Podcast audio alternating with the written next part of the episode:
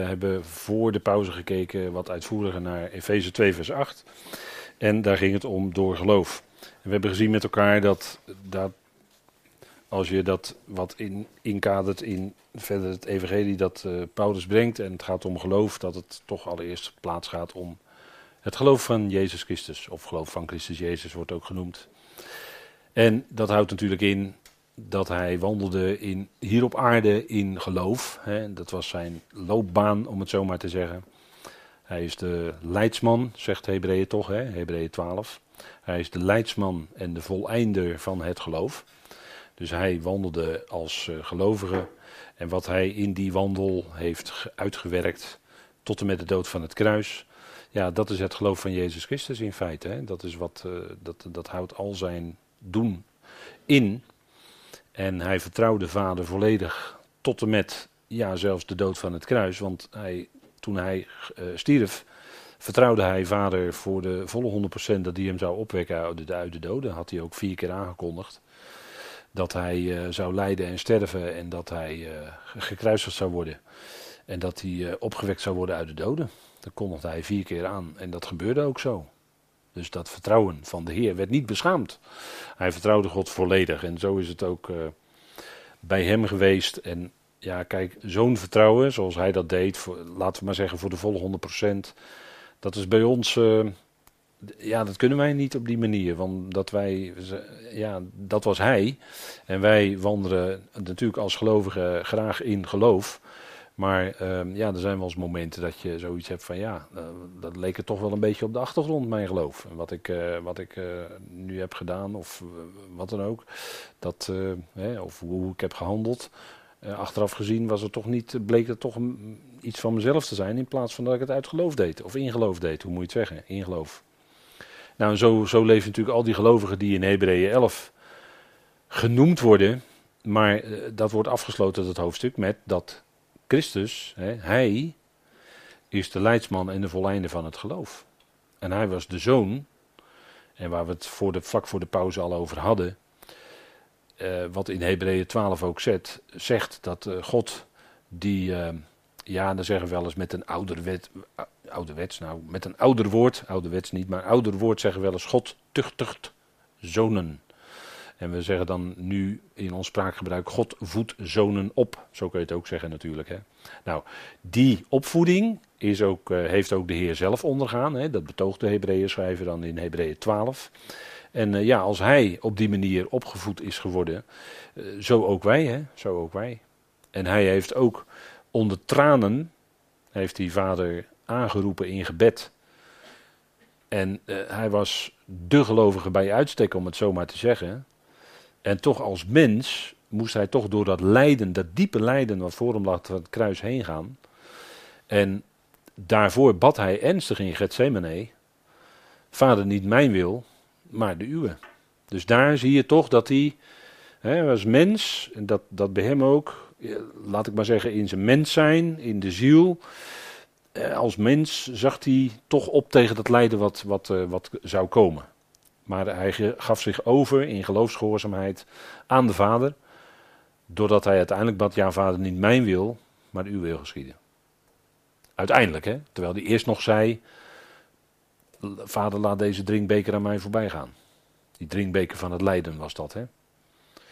En vader nam die drinkbeker niet weg, maar hij moest die drinkbeker, laat ik maar zeggen, drinken. En zo is het gegaan. Maar dat is wel onze redding. Het ging wel via het kruis, hè centraal gegeven in Gods plan, is zijn kruisiging en opstanding. En hij is daadwerkelijk door de dood van het kruis heen, heeft vader hem op de derde dag opgewekt. En in die tussentijd was hij eh, overleden en ervoer hij ook niets. Tussen het moment dat hij zei, vader in uw handen beveel ik mijn geest, en het moment dat vader hem opwekte, heel vroeg op de derde dag, die tussentijd weet hij van niets. Hij heeft dus niet aan de geesten in de gevangenis iets gepredikt of zo, hè, wat in Petrus staat. Dat wordt vaak erin gelegd, maar dat staat daar ook helemaal niet in Petrus. Daar gaat het over iets anders. Nee, hij was zich helemaal van niets bewust tot het moment dat vader hem opwekte. Zo was het bij Lazarus, zo is het bij David, die nog steeds, uh, is nog steeds het graf van David en Abraham, noem alles maar op. Die weten allemaal nog van niets tot het moment van de opstanding. En de Heer wist in die tussentijd ook van niets. Tot het moment van de opstanding. Precies hetzelfde. En ja, de Heer wekte hem op, God wekte zijn zoon op heel vroeg in de derde dag. En dat was de dag van, dat, de dat is heel mooi natuurlijk in Leviticus, dat de beweeggarf voor het aangezicht van Jaweh bewogen moest worden. En dan staat er, hè, er wordt vaak dan gedacht uh, met die uitdrukking daags na de Sabbat, wordt er gedacht dat het dan gaat om een gewone weeksabbat in die uitdrukking, daags na de Sabbat. Maar in die uitdrukking die daar gebruikt wordt, daags na de Sabbat, gaat het om die grote jaarsabbat, de 15e Nissan. En daags na die Sabbat, ja, toen moest die beweeggarven voor het aangezicht van je heen en weer bewogen worden. En dat was ook het type uitbeelding van de opstanding van Christus. Dat is wat de schrift laat zien. Hè? Nou, dat is natuurlijk geweldig dat hij is opgewekt. En op basis daarvan mogen wij nu een levende Heer kennen. En is hij compleet, hè, was hij ten volle de vervulling van de Torah. Al die schaduwbeelden werden allemaal in hem vervuld. Natuurlijk. De, de, de Torah had een schaduw van de toekomende goederen. En dat is natuurlijk Gods woord. Dat heeft enorme waarde. Maar het was een schaduw. En is nu allemaal vervuld in de Christus. En moet eventueel nog wat vervuld worden. Maar daar heeft hij ook mee te maken. En dat is natuurlijk eh, prachtig. Al die typen en beelden. Die, zijn, eh, allemaal, die wijzen allemaal natuurlijk naar hem toe. En dat kan ook niet anders. Want het getuigenis van Jezus is de geest van de profetie, hè, zegt uh, Openbaring tenslotte.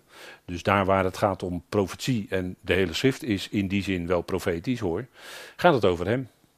Dat hij, is het, hij is het hoofdonderwerp van de schriften natuurlijk. En hij, en hij wijst in alles op zijn vader. Dus ja, daar gaat het over. Dat is, dat is nu helemaal zo. En dat is wat we natuurlijk met elkaar dankbaar mogen vaststellen dat het is het werk van de vader en de zoon, dat reddingswerk. Ja, en omdat dat werk gebeurd is, ja, dat is de heerlijkheid. Alle heerlijkheid is voor de vader en de zoon. Maar het geweldige is dat wij zelfs ook mogen delen in een stukje van die heerlijkheid. Dat is wij, God neemt ons als het ware allemaal mee. Maar alle eer en heerlijkheid van, van onze redding is natuurlijk voor de vader en de zoon. Daar zit helemaal niks van onszelf bij. Dat zegt Efeze 2 ook, hè? Vers 10 of vers 9 opdat niemand zich beroemen zal. Ziet u het? Dus het gaat om wie de roemen is alleen in de vader en de zoon. En alle, ja, we zingen ook, alle roem is uitgesloten. Zeker, zeker die is er vast. Het gaat om onszelf. Ja nou, ja nou. Nee, het is allemaal, alle roem en eer is voor hem natuurlijk. Dat woord roemen. Niet uitwerken dat, uh, dat woord niet staat ook in een hele sterke vorm. Ook het niet uit jullie zelf. Dat is sterk. Niet uitwerken, opdat niemand zich beroemen zal. Maar we, we zijn nog bezig met vers 8, want ik, ik eh, loop te snel natuurlijk. We gaan natuurlijk uh, niet zo snel. Uh, want er staat nog in vers 8: Dit niet uit jullie zelf, het is Gods naderingsgave. En dat is natuurlijk ook wel weer bijzonder wat daar staat. En dit is niet uit jullie. Ik heb het hier weer even op deze slide voor u aangegeven. En dat beetje grijze, waarvan u denkt van uh, mijn bril doet het niet goed. Nee, dat is bewust een beetje lichtgrijs aangegeven als niet in de grondtekst. Dus dat woordje is staat er eigenlijk niet letterlijk en het woord naderings ook niet. Er staat het woord gave. Het, is een doron, het is een gave. Maar de gedachte is wel dat het een naderingsgave is. En dat heeft als achtergrond de Torah, de wet, de onderwijzing. En dit is niet uit jullie, van God, letterlijk staat er van God is de naderingsgave. Dat, uh, zo, zo, dat is letterlijke weergave van het Grieks. Hè? En kijk, in Leviticus werd daarover gesproken. En dat is wat uh, de mens uh, moest brengen.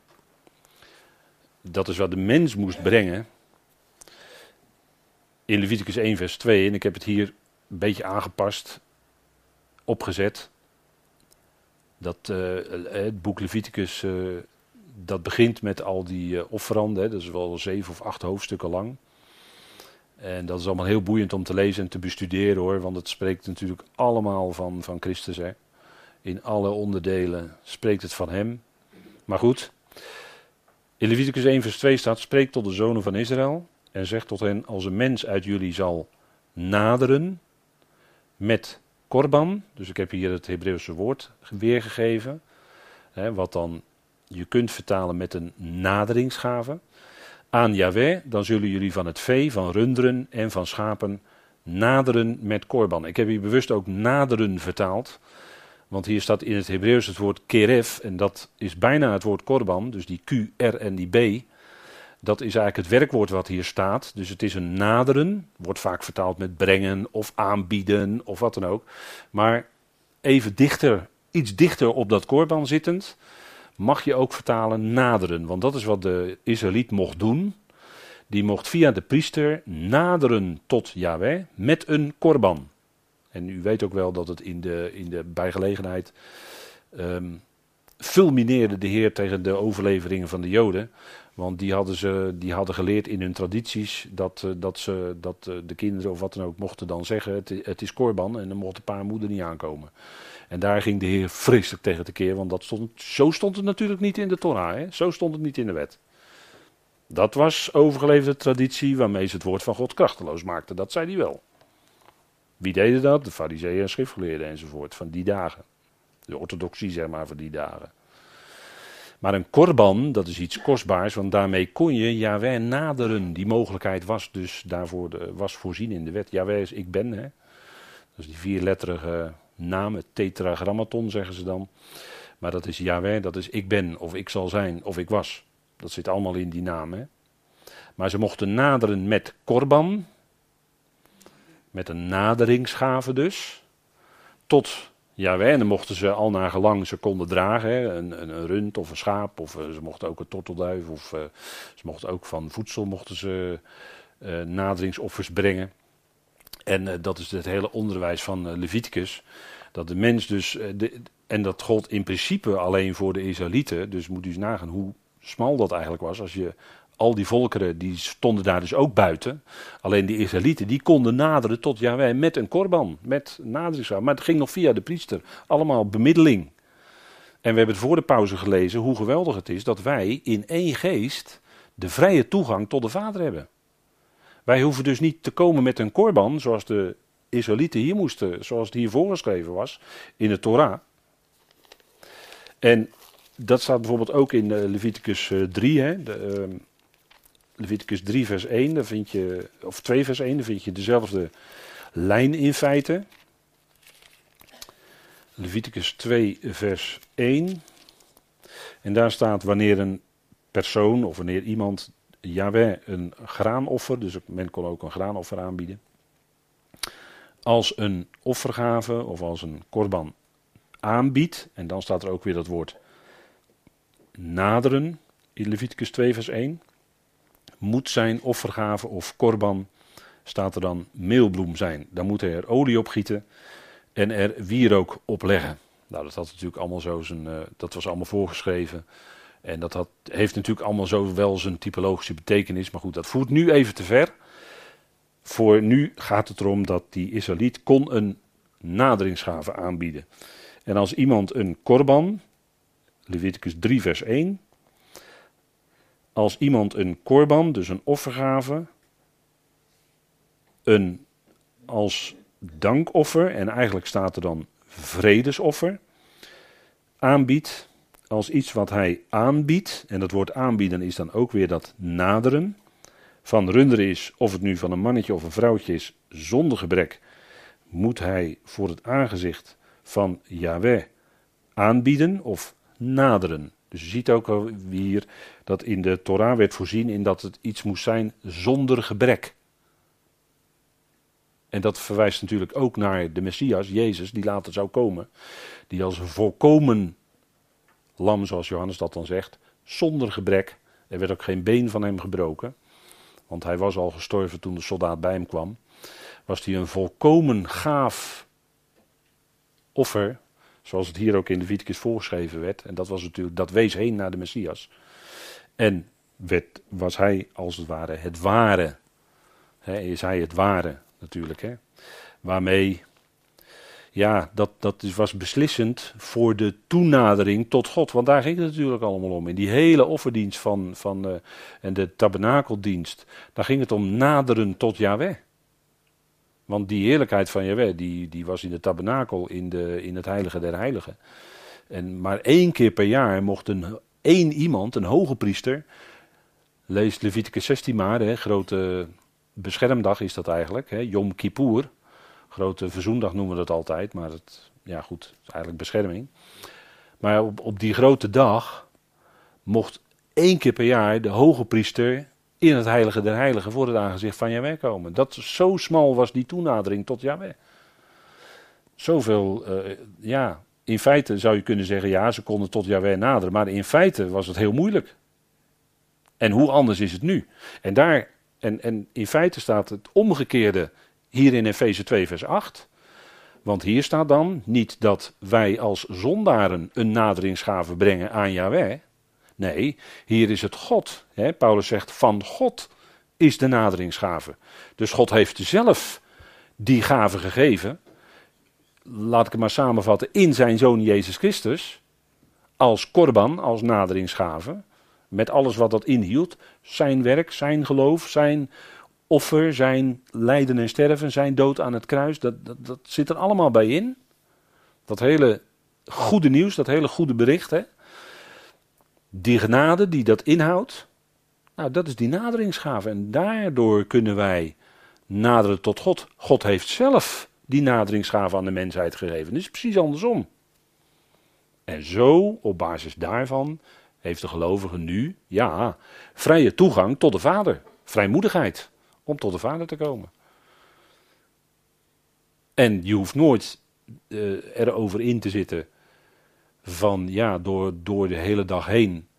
Ja, er is geen enkele dag dat je perfect leeft. Voor, voor, hè, als je het vanuit God ziet, is geen enkele dag dat je perfect leeft. Maar je mag altijd bij vader komen. Je hebt toch vrije toegang. Ja, we hebben de vergeving van de krenking. Hè? We hebben de vergeving, hè, dat is een hoger niveau dan. Hè, we zijn gerechtvaardigd om niet. Is geen veroordeling mogelijk. We hebben altijd vrije toegang tot de Vader, hoe dan ook. Wat er ook die dag heeft plaatsgevonden, wat er ook gebeurd is. Bij wijze van, maar je kunt natuurlijk de hele dag door met vader in gesprek zijn. Door alles heen. Maar altijd vrije toegang tot de vader. Daar is geen enkele belemmering. Kijk, dat is nou genade. Dat is nou die heerlijkheid van het evangelie, van wat de Efezebrief zegt. Vrije toegang tot de vader. En, en Paulus had het ook in Romeinen 5 al gezegd. Hè, door, door zijn geloof hebben wij de toegang tot in deze genade waarin wij staan. Hè, die eerste verse van Romeinen 5. Geweldig. Daar wordt het al gezegd. En, en dat is natuurlijk het geweldige, hè, wat, het, wat, eh, wat uh, die hele typologische uitbeelding is in de Torah. Dat verwees allemaal naar hem natuurlijk, naar Christus. Die een ware naderingsgave zou zijn. En er waren al die korbannetjes die de Israëlieten brachten, waren daar, zonder dat ze toen beseften natuurlijk, maar waren allemaal heenwijzingen naar de Messias. Dat is natuurlijk geweldig, hè? En, en dat is op zich, ja, dat is natuurlijk ook weer een hele prachtige studie apart. Maar kijk, het geweldige is wat hier in Efeze 2 vers 8 staat. Van God is de naderingsgave. Dat komt bij hem vandaan. Hij is de bron. Natuurlijk, hij is de bron van alles. Alles is uit hem. En alles is ook door hem en tot hem, tuurlijk. Dus, dus het kan alleen maar. Maar kijk, die, die, die, het, zit, het zit zo diep in ons mensen ingesleten dat, dat wij toch iets, toch iets willen. Nee, nee, wij kunnen niks brengen. Ook al is het toch maar zo'n ietsje pietje klein koorbannetje. Nee, nee, het wordt allemaal hier van tafel geveegd in feite door Paulus. Van God. En wat moet Paulus dat met een vreugde hebben opgeschreven toen hij dit schreef. En zelf ontdekte wat hij, wat hij opschreef. Dat is natuurlijk iets heel bijzonders, moet dat geweest zijn.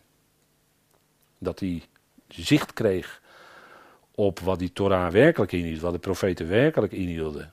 Ja, dat is natuurlijk enorm geweest bij, bij Paulus. Hè? Dat onderwijs wat hij kreeg van de verheerlijkte Heer. Wat het, die liet hem zien wat het allemaal werkelijk betekende. Alles wat hij geleerd had. Moest die heleboel traditie moest hij wegkieperen. Maar daarvoor in de plaats kwam de waarheid die Christus Jezus hemzelf bekend maakte. En liet zien, kijk Paulus, dat zegt nou die Torah. Dat betekent nou die Torah. Dat betekent nou die wet en die profeten. Dat is geweldig onderwijs natuurlijk geweest. Uniek. Hij heeft het van de Heer zelf ontvangen. Daar uh, zaten niet de twaalf of Peter zaten daartussen. Nee, hij heeft het van de Heer zelf ontvangen. Vergist u zich niet hoor. Van God is een naderingsgave. Kijk, Christus is zelf Gods korban, waarmee God tot de mensen naderde. Het is zijn werk, zijn geloof, zijn lijden, zijn dood en zijn opstanding. Dat is het allemaal. Allemaal hoofdletter Z. Allemaal door hem heeft God het bewerkt. Door hem heen. Wat is dat geweldig, hè? En dat is nu de enige grond voor onze redding, de basis van onze redding is Hij. Christus Jezus kwam in de wereld om zondaren te redden. Niet om ze te veroordelen, om ze te redden. En dat doet Hij ook. En daar zijn u en ik hier bewijs van. En vele, vele anderen met ons. Het hele lichaam van Christus is groot. En wij daar, mogen dan daarbij horen. Nou, dat is natuurlijk fantastisch. En dit is moeilijk voor de religieuze mensen. Hè. Daarom is het evangelie van Paulus ook moeilijk voor mensen die toch nog, waar, waar toch nog een stuk religie aan vastkleeft. Dat ik het zo maar noemen, kleef, hè, religie kleeft aan mensen lijkt het wel. Met van die, eh, weet je wel, met van die twee componenten lijm. Dan kan je, als je dat zo doet, dan kan je bijna niet meer los hoor, als je hier tussen je vingers zit. Nou, dat kleeft aan mensen, hè. dat lijkt wel niet los te kunnen, geweekt kunnen worden van mensen, lijkt het wel soms toch, toch weer toch een stukje prestatie. En ja, dat is het allemaal. Dat, dat, wordt allemaal, gaat allemaal weg. Kijk, dat is de weg van Kain. De weg van Kain. U ziet hier, gaat om offer. We hebben het over Korban, gaat om offer. Wat is de weg van Kain? Nou, Judas die zegt daar iets over. En u ziet het hier op dit plaatje, is het eigenlijk wel aardig uh, geïllustreerd. Hè? Maar uh, in uh, Judas vers 11 wordt dat genoemd, de weg van Kain. En uh, eigenlijk werd het bij zijn naamgeving werd er al iets duidelijk, hè, wat die weg van Kain is. Want uh, Kain, dat betekent uh, Eva, toen Kain geboren werd. Toen zei Eva, ik heb een man verworven of gekregen. Ja, verworven wordt soms ook vertaald. En dat is eigenlijk wel terecht, want dat is ook het woord. er wordt ook het woord Kana gebruikt dan. En die letters die zitten ook in de naam Kain. Hè, dat begint ook met een Q. Verwerven. De naam Kain zegt eigenlijk dat wat de mens zelf wil verwerven door eigen inspanningen. En dat wil hij dan aanbieden aan Yahweh. En daar ging bij Kain en Abel dus al nog gelijk een streep doorheen. En dat is toch wel triest, hè? dat je zegt van nou, de eerste broers die op de wereld uh, uh, gezet werden, hè, Kain en Abel waren broers. En Abel betekent, heeft te maken met het woord wat vaak in prediken gebruikt wordt. Hè, of ja, ijdelheid. Ik gebruik het nog even, even mag, mag wel hè woord van de Statenvertaling nog even gebruiken. Ijdelheid. de NBV'ers, die zeggen veel liever uh, leegte of lucht of zo. Of vluchtigheid, weet ik het. Ik houd nog even op ijdelheid dan. Mag, mag wel even, nog hè, vanavond. Ijdelheid, dat is Abel. Maar Abel was wel iemand die een offer bracht, wat door Jahweh geaccepteerd werd. En Kains, wat Kain aanbood, dat werd niet geaccepteerd. Waarom niet? Waarom werd het niet geaccepteerd? We, lezen eerst even in Judas, hè? Judas vers 11. Judas vers 11, hè? Er, staat, uh, er wordt, wordt letterlijk gezegd, hè? De, ik laat voor het verband van Judas even, anders voert het veel te ver, laat ik het even liggen. Maar er staat in vers 11 van Judas: Wee hun, want ze zijn de weg van Kain ingeslagen en hebben zich om loon van de dwaling van Biliam gestort en zijn door het tegenspreken van Korach omgekomen. Er worden drie voorbeelden genoemd uit de schrift, met drie verschillende dingen waar tegen gewaarschuwd wordt. En het eerste is de weg van Kain.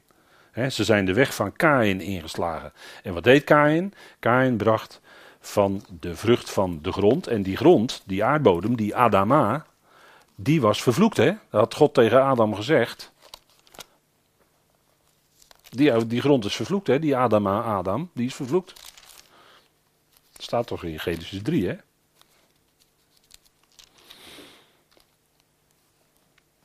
Genesis 3 vers 17 zegt, en tegen Adam zei hij, omdat u geluisterd hebt naar de stem van uw vrouw en van die boom gegeten hebt waarvan ik u gebood, u mag daarvan niet eten, is de aardbodem omwille van u vervloekt. In ieder geval, het gaat om die aardbodem is vervloekt. Met zwoegen zult u daarvan eten al de dagen van uw leven. Dus eigen gezwoeg en dan krijg je dorens en distels enzovoort. Dat heeft natuurlijk ook wel een betekenis, maar het gaat erom dat die opbrengst van die aarde, dat zou heel moeizaam zijn.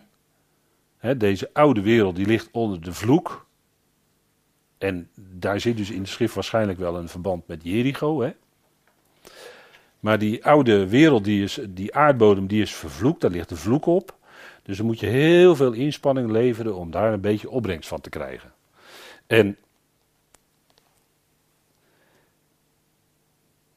dan staat er van Kain. Zij wordt op de wereld gezet en dan staat er en zij baarde opnieuw, hè, dus Eva, de moeder van alle levenden, de, zijn broer Abel. Abel werd herder van kleinvee en Kain werd bewerker van de aardbodem. En dat gebeurde na verloop van dagen dat Kain van de opbrengst van de aardbodem aan Yahweh een offer bracht. En Abel bracht een offer van de eerstgeborene van zijn kleinvee en van hun vet. En Yahweh nu sloeg acht op Abel en op zijn offer. Maar op Kain op zijn offer, maar op Kain en op zijn offer sloeg hij geen acht. Toen ontstak Kain in grote woede en hij liet zijn hoofd zakken of zijn aangezicht verviel, staat er eigenlijk in het Hebreeuws. Zijn aangezicht viel. En de Heer zei tegen Kain, waarom is je aangezicht vervallen en waarom, en waarom ben je ontstoken? En dat was, had hem natuurlijk maken met jaloersheid. En waarom is uw aangezicht vervallen? En dan zien we dat daar dus eh, de eerste twee broers, en die worden op de wereld gezet. En die eerste broer, dat wordt dus de moordenaar van zijn andere broer. En dan wordt er een teken aan Kain gezet. Maar God aanvaarde dat uh, offer niet van Kain. Waarom niet? Omdat het de weg van Kain was. Dat is eigen. Ze noemen dat ook wel, uh, vaste uitdrukking, hè, een eigendunkelijke godsdienst. Dus een dienst aan God willen inrichten zoals je dat zelf wil. En dat deed Kain hier, want hij bracht van de zelf, van de vruchten van de aardbodem. En terwijl het onderricht al door God was gegeven, dat er van, de, van het vee, en dat deed Abel ook, die was schaapherder, en die bracht van uh, het schaap, maar hij bracht ook wel het beste, hè, want er staat, hij bracht van de eerstgeborene notabene, de eerstgeborene, dat is altijd het beste, van zijn kleinvee en van hun vet. En dat betekent dat hij het beste van het dier offerde aan Yahweh. En dat, dat was ook voorgeschreven in Leviticus. Lees u die hoofdstukken van Leviticus maar eens door. Dan zult u zien dat er van de dieren, en er wordt een speciale opmerking gemaakt over het vet van de dieren. Wat daarmee moest gebeuren. Dat ze dat moesten als een vuuroffer moesten geven enzovoort. Dat was dus het beste. Maar dat deed Kain niet. Kain deed van de opbrengst van zijn handen. Wat hij zelf dus had bewerkt uit die vervloekte aardbodem. Daar lag dus de vloek op. En dat bracht hij als een offer aan Jaweh. En dat accepteerde Jaweh niet. Maar dat offer van Abel accepteerde hij wel. En dan kunt u natuurlijk de volgende vraag stellen. Maar het gaat, eh, kijk, in, in essentie gaat het hier om een manier van God willen dienen, die jij dus zelf wil inrichten. Of die jij zelf wil vanuit jouw principes of vanuit jouw filosofie of wat dan ook. Want het hoeft niet alleen om bezig te zijn met je handjes te gaan. Het kan ook gaan om menselijke ideeën die je hebt over hoe je God moet dienen.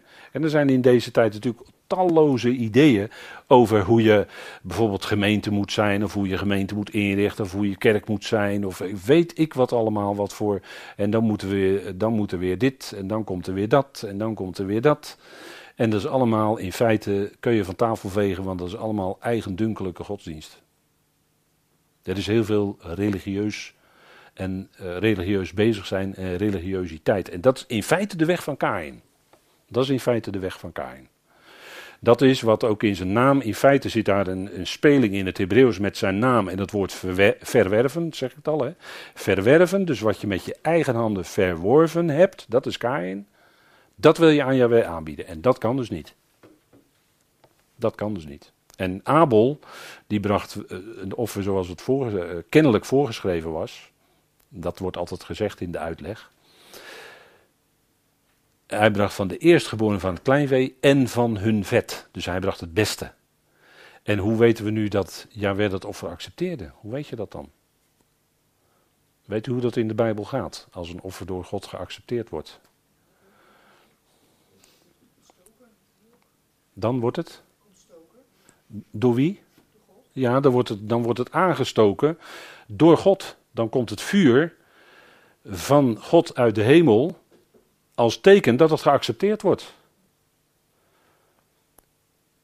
Denkt u maar aan uh, Gideon. Gideon.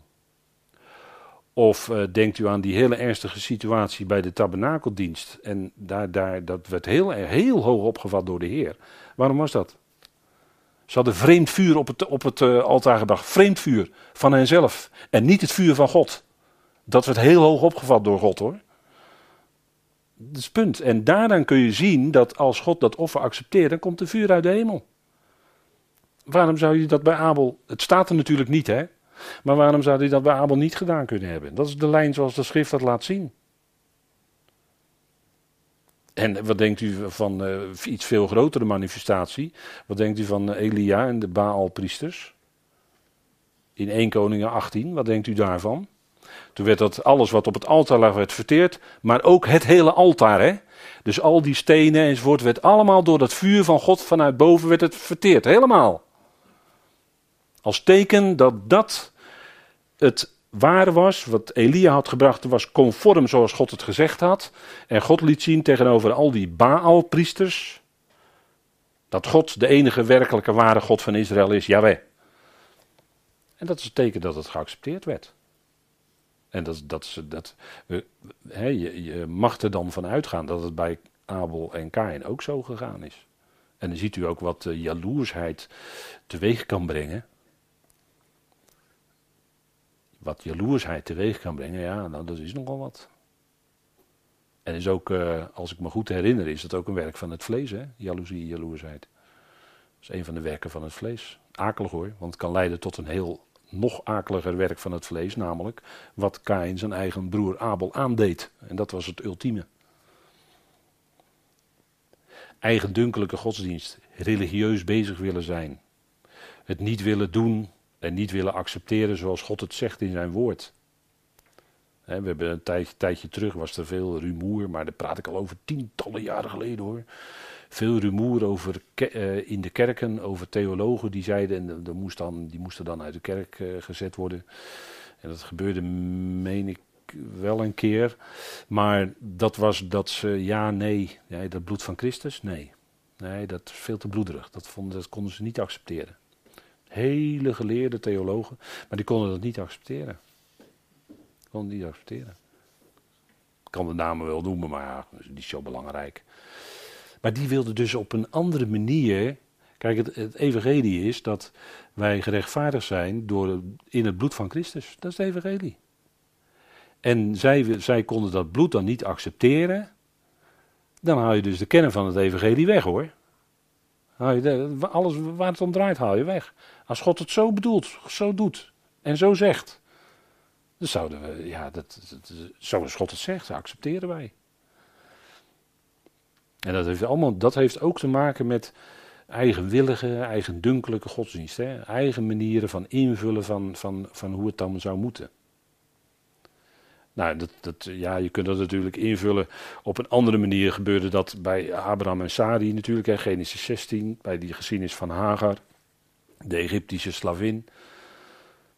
Als nou ja, goed, ja, in nageslag, ja, ja, nou, nee, nog steeds de belofte niet vervuld. Nee, dat, gaat niet, onvruchtbaar en noem alles maar op. Nou, dan, uh, dan uh, Sari kwam op het idee, nou dan maar bij Hagar. En dan kwam Ismaël uit voort. Dat is ook de weg van het vlees gaan.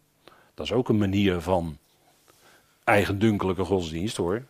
Niet accepteren van de belofte van. Even niet accepteren van de belofte van God. En dat was een, een zijweg, maar God bracht ze natuurlijk later weer op de weg terug. En dat kan je invullen natuurlijk met zoveel voorbeelden. Jacob en Esau, noem alles maar. En dat, kijk, wat Paulus dan zegt in Efeze 2, vers 9, keren we terug naar de Efezebrief, dat het is niet uitwerken. En de mens die de weg van Kain wil bewandelen, die wil toch iets van eigen werken in rekening brengen. Dat, dat gaat niet. Dat is de weg van Kain. Daar gaat de streep doorheen in de schrift. En dat is denk ik wat we met elkaar hier toch dankbaar mogen constateren. Nee, gelukkig. Het uh, hangt niet van onszelf af. Nee. Integendeel. En dan sluiten we af vanavond met. Want zijn maaksel zijn wij, alsjeblieft. Want zijn maaksel zijn wij. Die geschapen worden in Christus Jezus. En natuurlijk, ja, voor goede werken, daar komen we dan de volgende keer op. Maar voor goede werken, zeker wel, zeker wel. Maar hij is het, en u ziet hier het plaatje van de pottenbakker, hè? hij is het die ons modelleert. Hè? Die handen van God die werken zo in ons leven. Zijn maaksel. Het is, eh, wij zijn het werk van zijn handen. Het resultaat van zijn doen. Dat staat er eigenlijk. Hè? Staat een mooi woord. Dat wijst op het resultaat van een handeling. Hè? In, in de grondtekst. Zijn maaksel. Hè? We zijn het resultaat van zijn maken, van zijn doen. Zijn met een hoofdletter. Over de weg van Kain gesproken. Wij willen ik zelf doen. Hè? Dus de weg van Kain. Maar het is, wij zijn zijn maaksel. Die geschapen worden in Christus Jezus notabene. Die nieuwe schepping. Wij zijn een nieuwe schepping in hem. God creëert ons nu al. En modelleert ons nu al naar het beeld van de zoon. En dat is die hand van die pottenbakker. En daar hadden we het ook met elkaar over voor de pauze. Als God een diepe weg met ons gaat, ja, dat is de hand van de pottenbakker. Dat is de hand van die uh, hè, van die uh, pottenbakker, die in ons leven werkt en die ons soms door een diep, soms door een diep dal laat gaan. Ja, dan zeggen wij het is een diep dal of uh, de zee gaat hoog of ik weet niet hoe je dat wil uitdrukken. Of de wind is hard tegen. Maar het is God. Het is uiteindelijk toch God die dan die tegenwind in ons leven brengt. En dan, dan denk je dat je niet vooruit komt. Maar intussen is God bezig in jouw leven met zijn handen als pottenbakker om jou om te vormen. En uh, het wonderlijke is dat dat woord tevoren gereed maken, wat in, in vers 10 staat, tevoren gereed maken, dat we tevoren gereed gemaakt worden. De, de goede werken die God tevoren gereed maakt. En daar is hij eh, in ons leven natuurlijk nu al volop mee bezig dat heeft te maken met ons instrument zijn, met ons uh, ja, vat. Hij maakt de vat, vat ter ere van ons. En dat, datzelfde woord, tevoren gereed maken, staat ook in Romeinen 9. Komt maar twee keer voor in de Griekse schrift. Staat ook in Romeinen 9. Vers 23. En dat met het doel om de rijkdom van zijn heerlijkheid bekend te maken over de voorwerpen van zijn ontferming of barmhartigheid, die hij van tevoren bereid heeft of van tevoren gereed maakt tot heerlijkheid. Hetzelfde woord. Er gaat in wezen mede over ons dan, Romeinen in, in, even een trapje, maar het gaat in wezen ook over ons. En, en dat is natuurlijk geweldig, hè? dat is dus helemaal zijn werk. Ook vers 10 gaat helemaal over zijn werken in ons leven.